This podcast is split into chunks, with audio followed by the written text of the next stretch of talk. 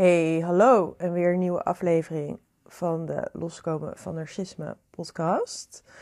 Vandaag weet ik eigenlijk nog niet 100% waar ik het over ga hebben. Ik zit aan drie dingen te denken. Een gesprek wat ik gisteren had.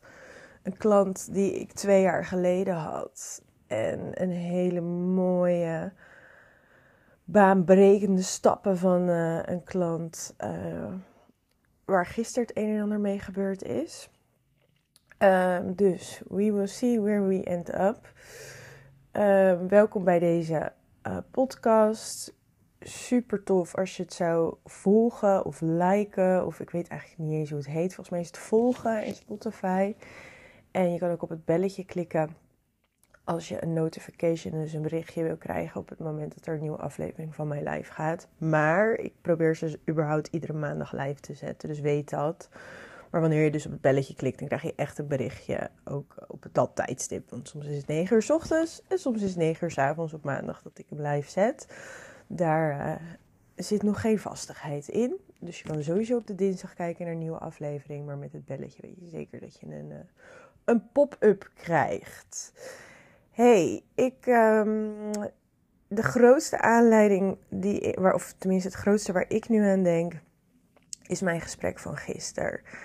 Um, ik heb wel eens kennismakingsgesprekken. Ik heb ook vorige week een uh, live masterclass gegeven. En uh, na anderhalf uur waarde en mijn geheimen te delen en superveel interactie en allemaal dingen geleerd te hebben over de manipulatietechnieken van een narcist. En gewoon vijf cruciale stappen en geheimen gegeven om um, naar mijn optiek en vanuit mijn ervaring en ook wat ik eigenlijk met al mijn klanten ook doe en onderneem, geef ik dus de vijf stappen of de vijf niet te missen onderdelen van loskomen van narcisme op relatievlak. En aan het eind geef ik ook de mogelijkheid, stel je wil uh, doorpakken of je zit echt in het moment van je leven dat je denkt, uh, ik wil nu los gaan laten, maar het lukt me nog niet helemaal. Of uit liefde voor mezelf wil ik daar hulp bij. Of ik wil het ook meteen als een enorm ontwikkelproces voor mezelf, persoonlijk ontwikkelproces gebruiken dit loskomen van narcisme, dan kan je, en je wilt het met mij doen, dan kan je de matchcall inplannen bij mij. Dus zo uh, had ik deze week ook een aantal matchcalls. Uh, en zo ook gisteren eentje. Um, en de matchcall zegt het al, je probeert elkaar dan goed te leren kennen. Nou, je kent mij waarschijnlijk al, want je hebt al een masterclass gezien. Maar dan kan je nog even persoonlijk jouw verhaal met mij delen. Kijk ik met jou mee. Kan jij kijken of er een klik en een match is? Doe ik ook. En als die er is van beide kanten, dan bespreken we de praktische zaken van uh, los van de klik of ook echt het drie maanden programma met alle inhoud bij je past. Ik vraag wat je hoopt te vinden in het programma. Uh, en vaak is dat een lijstje van verschillende dingen. Ik wil loskomen, ik wil stok achter de deur in de vorm van jou of het programma. Om mezelf niet te gaan saboteren. Ik wil mijn grenzen leren kennen, ik wil mijn intuïtie meer naar boven halen heb nu geen toegang tot mijn emoties. Ik wil mijn emoties weer kunnen voelen of ze minder eng vinden. Ik wil praktische tips. Mijn ex komt nog steeds op de lijn of die laat me maar niet met rust. Hoe zorg ik daarin goed voor mezelf? Of mijn kinderen, daar ben ik bang voor, die worden ertussen gezet. Hoe manage ik dat? Wat moet ik wel doen? Wat moet ik niet doen? Nou, ik ga je nooit vertellen wat je moet doen, natuurlijk. Maar tijdens het programma kunnen we daar wel over sparren. En kan ik ook zeker de beste of hoe noem je dat? De beste uh, cases, de tips en de tricks geven of de dingen die waarvan ik nu al vaak heb gezien, ook bij andere klanten. Dat ze gewoon goed werken, dat je dan op een constructieve manier goed voor jezelf kan zorgen en niet meer olie op het vuur gooit. En ook op een constructieve manier voor je kinderen kan zorgen. Dat dus de chaos niet groter wordt. Want dat is toch vaak ook wel het doel, zeker als er nog kinderen zijn. En als er geen kinderen zijn, dan is het doel vaak jezelf terugvinden in alle stukjes die je tijdens de relatie wellicht verloren bent. En vaak ook nog het onderliggende psychologische mechanisme te vinden. Als een puzzel zie ik dat. Het psychologische mechanisme te vinden daaronder van hoe komt het dat je in zo'n situatie bent beland. Eén. En de rode vlaggen, want die zijn er altijd. De rode vlaggen hebben genegeerd of onder het metaforische tapijt heb geschoven. Want antwoord op die twee vragen is in mijn optiek super cruciaal. En los van dat je praktisch leert hoe los te komen en happy te worden, is in mijn optiek ook echt een van de mijlpalen om antwoord te hebben op die twee vragen. Um, natuurlijk in het kader van uh, stel je wil weer gaan daten of je komt weer in een nieuwe situatie, dat je, ja, dat je die blinde vlek wat kleiner is of helemaal weg is. Of dat het patroon weg is. Dat je van een bepaalde neediness of ongezonde hechting in ieder geval weet dat je het hebt. Of, in, of nog mooier dat je het had. Dat je met je hechtingstijl al aan de slag bent gegaan. Of met die neediness al helemaal aan de slag bent gegaan. Dat je vanuit een heel ander startpunt nieuwe liefdesrelatie, maar anything, any relatie in kan gaan. Want je ziet dat dat vaak zich ook in vriendschappen of zelfs werk manifesteert. Die neediness, uh, pleaser gedrag bijvoorbeeld, of gebrek aan grenzen, of onveilige hechting. Okido. Um, maar ja, dat is dus een hele lange uitleg van wat er dan in de Mexico kan gebeuren. En uh, nou ja, de dames die uiteindelijk in Los met Lot stappen, dat is soms een super fijn gesprek, soms ook wel echt een heel pittig gesprek. Ik laat het achterste van mijn tong zien. Um, want dat ben ik ook als coach. Dus ik zal ook tijdens de match al een beetje. Nou ja, waar ik denk dat jouw groei zit, zal ik dat aanstippen. Dat kan als weerstand worden ervaren. Of als, huh, wat zegt ze nu? zo worden ervaren. Maar dat is, uh, ik breng het wel altijd op een vriendelijke manier. Um, maar dat is wel uh, de manier waarop ik werk. Um, want dan kom je niet voor een verrassing te staan als we eenmaal de coaching in uh, schieten. Dat als ik alleen maar, oh wat fantastisch, kom bij je. En we worden beste vriendinnen tijdens de matchcall doe. En dan opeens zet ik mijn coachpad op tijdens de coaching dan, uh, dan schrik jij je dood. En dan kan je misschien denken: hey, dit is niet wat ik wil. Dus die weerstand komt eigenlijk in de matchcall al een beetje. Tenminste, de meeste, de dames die instappen zien dit niet als weerstand. Die denken: ha, dit heb ik nodig, dankjewel. Want het zijn inzichten. Het is nieuwe informatie. En het lijkt mij dat als je met mij gaat werken, dan wil je inzichten en nieuwe informatie. En dat iemand natuurlijk uiteindelijk gaat aanstippen: hé, hey, je hebt het altijd zo gedaan, misschien kan je dit en dit wat anders doen. En ga het eens proberen. Want in mijn optiek is dat coaching. Ik ben niet voor pappen en nat houden. Ik ben niet. Uh, ik ben er ook om je gevoel te valideren of om uh, jou um, te helpen met het verwerken. Of het, het, het uh, op een lieve manier kijken ernaar. Ook zeker dat. Maar ik ben er ook om gewoon af en toe een nieuwe suggestie te geven van hoe dingen te doen. Want, wat was de quote van Einstein? als je doet wat je deed, dan krijg je wat je kreeg. Want zo is het gewoon. En vaak zit je gewoon best wel in een standaard patroon als je lang in een narcistische relatie of situatie hebt gezeten. En dan weet je gewoon niet beter. Dus ik zie het gewoon echt als mijn rol om af en toe jou bijvoorbeeld ook je verantwoordelijkheid te laten zien in een bepaalde situatie. Dat je überhaupt verantwoordelijkheid hebt. Want dat zijn vaak heel veel mensen vergeten. Dus de klanten die vaak instappen, die noem ik dus ook mijn ideale klant. Vaak ja, die vindt het fijn uh, als ze die nieuwe manieren van doen of op hun verantwoordelijkheid gewezen worden. Want dan denken ze, ja, dat is soms wel irritant dat je denkt, oh, hier had ik dus wat kunnen doen. Dat is natuurlijk soms niet heel fijn om te voelen, zeker als je weet dat je in die situatie al 99 keer in de inactie bent gebleven. Maar het is natuurlijk in mijn optiek super fijn, want dan kan je gaan hebben over, ja, maar wat kan ik dan doen? Oké, wat, wat zal dan tot een succes leiden?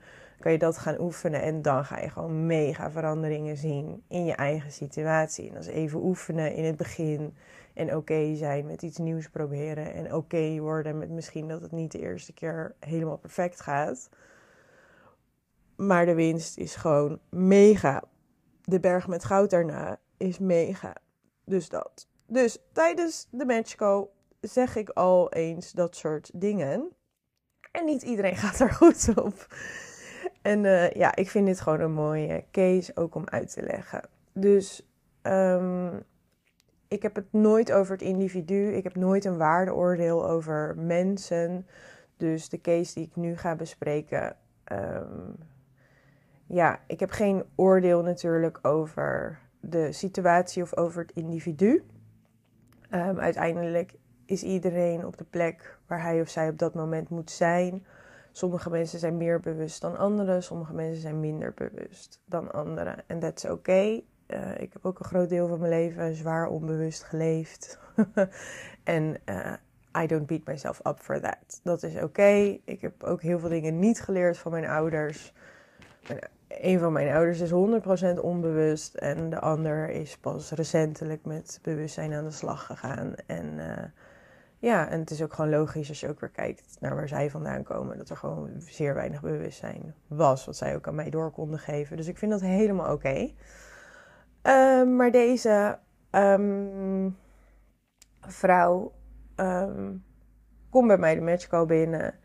En ik vroeg haar of ze het introductiestukje van de masterclass had gevolgd. Bleek niet zo te zijn. Ze was later binnengekomen, dus ik ga mezelf voorstellen. Dus ik stel mezelf voor en um, ik zeg ook daarna geef ik jou het woord. Nou, tijdens het voorstellen begon ze al over haar eigen verhaal. Dus dat was um, ook, dat is best wel onbewust gedrag, vind ik. Dat iemand zegt: Ik ga me nu even voorstellen en dan kom jij aan de beurt. Dus nou, kon ze niet op wachten. Ze ging tijdens mijn verhaal al over haar verhaal vertellen. Nou, zei ik: hey, ik uh, maak graag even mijn verhaal af en dan geven we jou alle spotlight. Is dat goed? Nou, dat vond ze goed. Toen heb ik even mijn eigen uh, verhaal afgemaakt van waarom ik doe wat ik doe. En toen vroeg ik aan haar: Joh, waarom zijn we hier vandaag? Uh, wat is jouw situatie nu? Waar wil je graag naartoe? En wat wil je graag veranderen in je leven? Um, dus toen begon ze um, over de situatie met uh, onder andere haar kinderen en natuurlijk een partner met uh, narcistische gedragingen. Um, en ik ga er dan ook vanuit, joh, je zit in een match over los met lot, je wil op een bepaald level loskomen. Um, maar dat is een aanname natuurlijk van mij. Daar probeer ik natuurlijk wel van tevoren al voor te zorgen dat ik alleen mensen spreek die echt los willen komen. Maar ja, dat lukt natuurlijk niet altijd. Er zijn ook wel eens mensen die iets anders willen. Dus deze vrouw, um, die begon eerst natuurlijk haar verhaal te schetsen. Ook over slechte hulpverleners. En dat de kinderen van haar partner uh, dramatisch zijn. En dat ze haar eigen kinderen mishandelen. Uh, emotioneel vooral.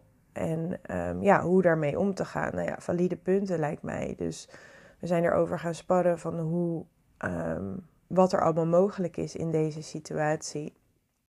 Alleen ze bleef dus heel erg hangen in wat er allemaal mis was gegaan om haar heen. En um, ik vind het mijn taak om jou natuurlijk vooruit te helpen. En het enige wat je kan veranderen is jezelf. Als er hulpverleners zijn die jou niet hebben geholpen. Of um, jouw ex een podium hebben gegeven onterecht. Of jouw ex munitie hebben gegeven om jou of je kinderen meer te mishandelen. Dan is het aan jou. Weet je, het is natuurlijk heel sneu dat hulpverleners soms de plank misslaan. En soms is het ook niet eens bewust. En iemand met narcistische trekken, die kan natuurlijk de meest goed bedoelde dingen of woorden ook tegen je gebruiken. Dus de situatie die zij schetste, het was ook niet echt heel overduidelijk dat de hulpverleners de plank hadden misgeslagen, maar haar ex gebruikte dat wel. En zij bleef er heel erg achter hangen. En dat is, het is natuurlijk allemaal heel pijnlijk en heftig dat je dat meemaakt. Maar je mag dan wel doorgaan en je verantwoordelijkheid pakken. En um, iedere keer als ik haar probeerde te wijzen op, ja, maar je, in theorie zou je je kinderen wel in veiligheid kunnen brengen door dit en dit te doen, um, bleef ze een, een situatie of een feit of een zaak buiten haar opnoemen. Um, wat ervoor zorgde dat zij niet goed voor zichzelf en of haar kinderen kon zorgen. En dat patroon kwamen we in. En toen was voor mij uiteindelijk de conclusie: ik denk dat, uh, dat Los met Lot niet het juiste programma is voor jou. Klopt dat? En toen kon zij ook eigenlijk alleen maar ja zeggen. Um, en so be it, so be it. Soms ben je nog heel erg op zoek naar um, mensen wellicht die jou bevestigen in dat jouw situatie heel sneu is. of heel zwaar, maar soms ben je ook nog niet klaar voor een actie. Ben je nog niet klaar om een volgende stap te nemen. Ehm, en vanuit mijn perspectief, zeker omdat er kinderen in het spel zaten, zitten en ehm, deze dus bij inactie van de moeder uh, eigenlijk blootgesteld worden aan schade. Vanuit mijn perspectief is het heel. Ja, ik heb echt een brok in mijn keel als ik dan niet kan helpen. Achteraf, dan ga ik echt nog nadenken van jeetje, had ik toch nog iets anders kunnen zeggen, zodat ze zag dat ze echt een rol kan pakken in deze situatie. Weet je, ik zie dan de kansen ook voor haarzelf en misschien nog wel meer voor haar kinderen. Uh, maar die zag ze zelf nog niet. En ze was, het was heel duidelijk dat ze ook helemaal niet klaar was om te zien: hé, hey, maar je hebt hier een optie. Je kan hier goed voor jezelf zorgen. Je kan goed voor je kinderen zorgen. En ja, dan zal je misschien van wat algemeenheden van de wereld, of dit zou zo moeten zijn, of sociaal gezien zou het zo moeten zijn, of uh, een soort droombeeld. Heel veel mensen hebben ook van ja, maar ook dit is de vader van mijn kinderen, dus het moet werken. En um, gewoon niet naar de realiteit kijken van, weet je, het is natuurlijk DNA gezien, het is de vader van je kinderen. Maar als je kinderen via deze situatie, als de situatie blijft doorbestaan, echt blootgesteld worden aan emotionele mishandeling, misschien nog niet eens linea recta door de vader, maar door alle dingen die hij doet en laat, continu, en die hij laat zien dat hij daar geen verantwoordelijkheid voor pakt, dan is het aan jou om jouw verantwoordelijkheid te pakken. Om eerst realistisch naar de situatie te kijken en dan pak jij je verantwoordelijkheid. En um, ja, soms zijn mensen gewoon nog zo bezig met. Of in een, in, zitten ook vaak in een oud patroon die zelf al is aangeleerd van uh, het is oké. en um, vaak is ook het patroon, ik moet alle mensen om me heen gaan veranderen. Ik ben daar verantwoordelijk voor. Dus er wordt niet gekeken naar hen zelf, maar meer, ik zie dan een cirkel om jezelf heen en alle mensen die er buitenom zaten. Dus in haar geval uh, alle mensen in haar gezin en daarbuiten. En die moesten allemaal veranderen. Want dan zou het oké worden. Maar dat kan dus niet. Je kan andere mensen niet veranderen. Nou, heel soms wel. Maar als je dat al vijf jaar of tien jaar aan het doen bent en het is nog niet veranderd, dan is de kans best wel klein dat het dan in de komende 1, 2 jaar wel gaat gebeuren. Het verleden is de beste voorspeller voor de toekomst.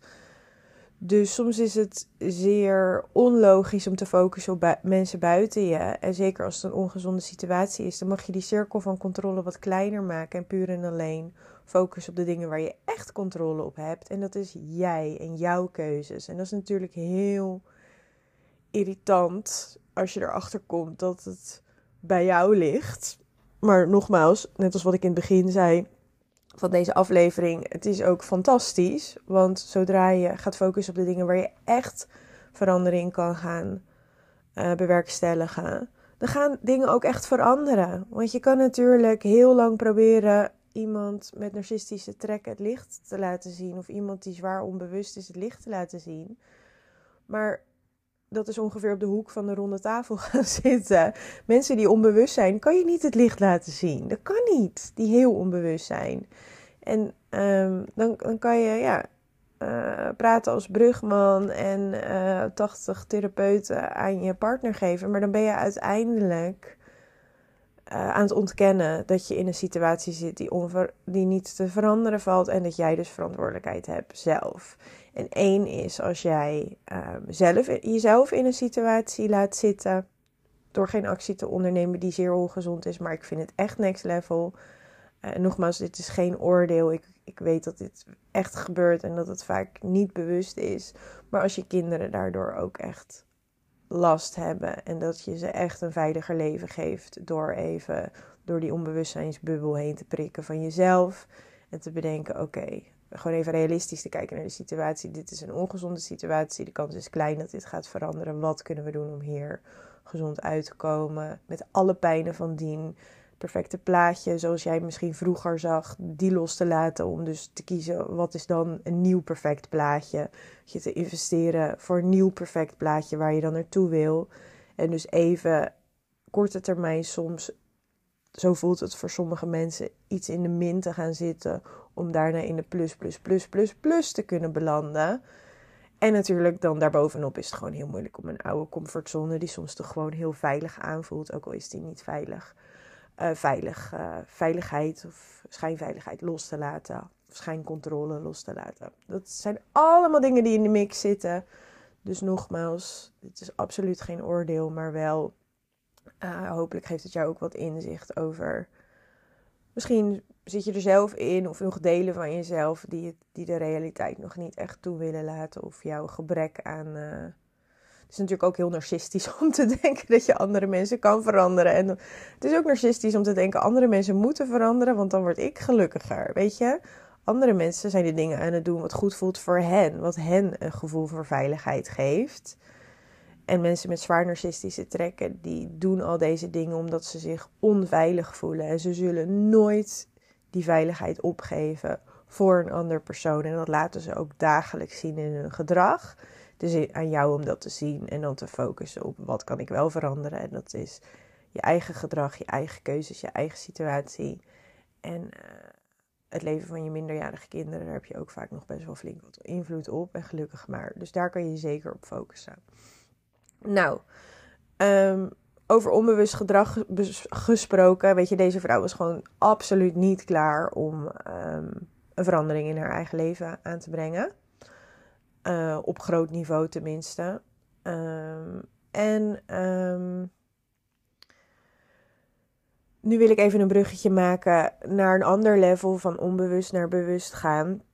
En dat is iemand die in het programma is gestapt. En zij zit aan het eind van uh, het LOS-programma, het eerste programma. Ze gaat waarschijnlijk ook mijn tweede programma starten, het SOUL-programma. Um, en weet je, onbewustzijn is oké.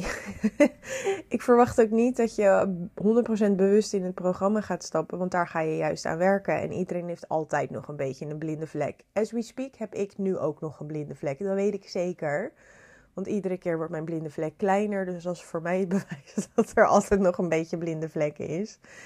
Uh, dus iedereen heeft een blinde vlek en daar gaat het niet om. Het gaat erom, ben je af en toe bereid om die inconvenient truths aan te kijken en door het een en ander heen te breken. En voor mij, het maakt mij ook absoluut niet uit hoe snel je gaat. Weet je, snelheid maakt absoluut niet uit. Al ga je als de traagste slak ter slakken, that's okay. Um, als, je die, als je maar wel af en toe die inconvenient truths wil aankijken.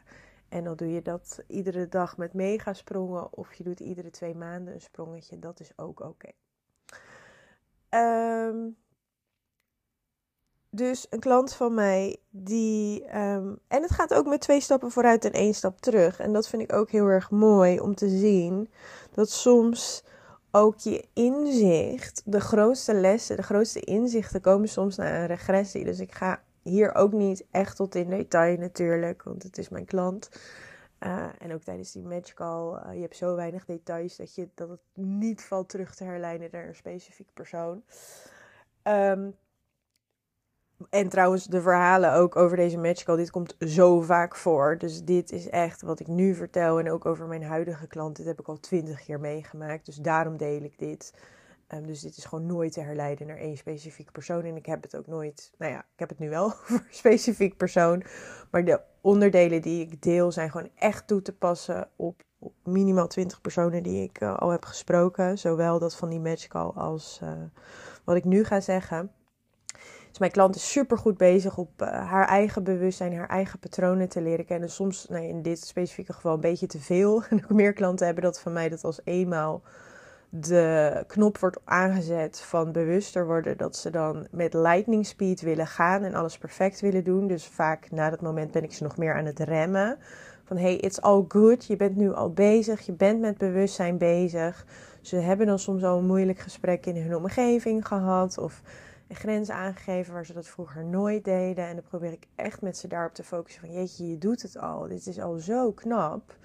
En het klinkt misschien heel bemoederend of zo, maar dat, ik meen dit, want ik weet hoe moeilijk dit is. Dit is zo knap dat je dat al doet. Zeker na jaren van een vastgeroest persoon of het nooit geleerd hebben. Het is al zo knap.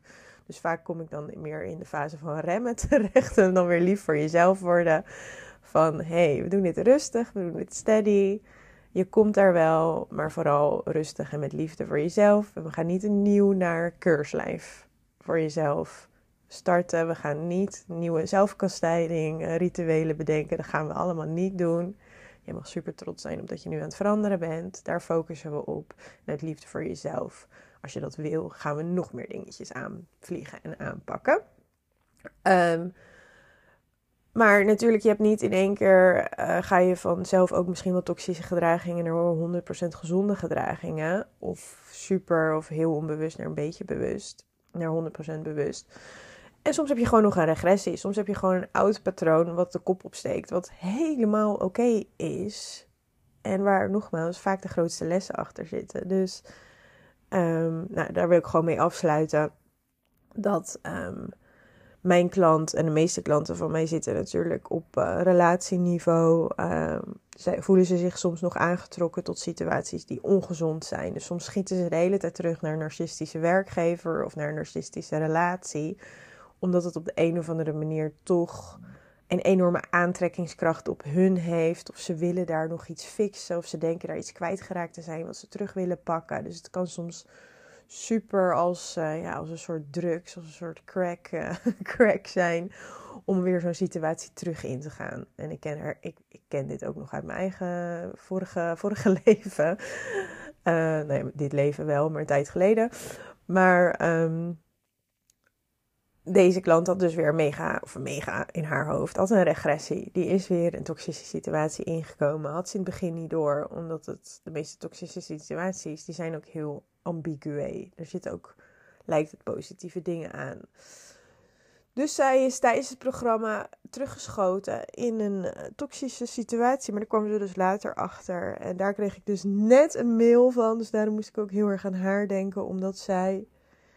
Um, ja, we hebben daar een mooie sessie over gehad. Ik heb haar aan het nadenken gezet over de elementen die er fijn aan waren, de elementen die er niet fijn aan waren. Ook de concepten los te trekken van hey, um, ik wil dit nu graag of ik wil graag dat het werkt of ik heb liefde voor deze persoon, dat mag. Maar is het nu, als ik gewoon mezelf op nummer 1 zet, ik ben ook erg met codependency met haar bezig, als ik mezelf op nummer 1 zou zetten en realistisch naar mijn fase nu, in mijn leven nu kijk, is dan de combinatie met dit individu, het kan ook net zo goed een bedrijf zijn of een familiedynamiek, is dan de combinatie nu met dit individu goed voor mij? Gezien wat dat andere individu wil van mij, wat daar de eisen en de wensen zijn, wat mijn eisen en wensen zijn, klopt dit nu zonder oordeel, maar is het nu bevorderlijk voor mij? En daar mailde ze me vanochtend over, dus het heeft denk ik 24 uur bij haar lopen borrelen. En ze mailde mij vanochtend met een incheckje met ook nog vragen en dergelijke, maar ook deze eye-opener van nu in deze situatie is dit gewoon niet gezond voor mij. Ik wil mezelf liefde geven. Ik ben super goed aan het werk. Ik heb in twee maanden vet veel stappen gezet. Ik zie de groei, de lightning speed die ik doormaak. En ik uit liefde voor mezelf onttrek ik me nu eventjes uit deze situatie. Als deze situatie echt bij mij past, lange termijn of meant to be is bij mij, dan komt die terug bij mij. Daar heb ik het volste vertrouwen in. Maar uit liefde voor mezelf kies ik er nu voor dat ik nu even op mezelf ga focussen en dat deze situatie niet een, uh, een enorme rol of überhaupt een rol in mijn leven heeft nu. Dus ik laat het los uit liefde voor mezelf en als het bij mij hoort of past, dan komt het vanzelf wel terug. Nou, ik was zo amazed, want ze zat er echt diep, diep, diep in. En daar gaat het om. Het gaat erom, weet je, iedereen mag onbewuste dingen doen. Je, je ziet soms dingen niet. Je hebt je emoties, je hebt je trauma's die eronder liggen, die allemaal stofjes bij jou vrijgeven.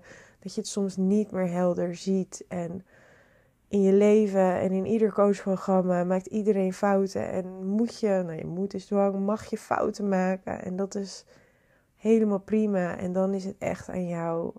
Waar kan ik nu toch die bewustzijnsknop gaan vinden? Met vaak rust voor jezelf. Proberen overzicht te creëren. Soms ook een, een coach of psycholoog in te schakelen. Om even die helikopterview te kunnen pakken. En dan, en dat, dat vind ik echt ballen hebben. Om dan te bedenken dit is nu gewoon niet goed voor mij. En eh, daar eerlijk over te zijn en ook dat in respect kan je ook gewoon delen met die andere persoon. hey, dit is het nu niet voor mij om die en die reden. En uh, dat mag en dat kan gewoon allemaal.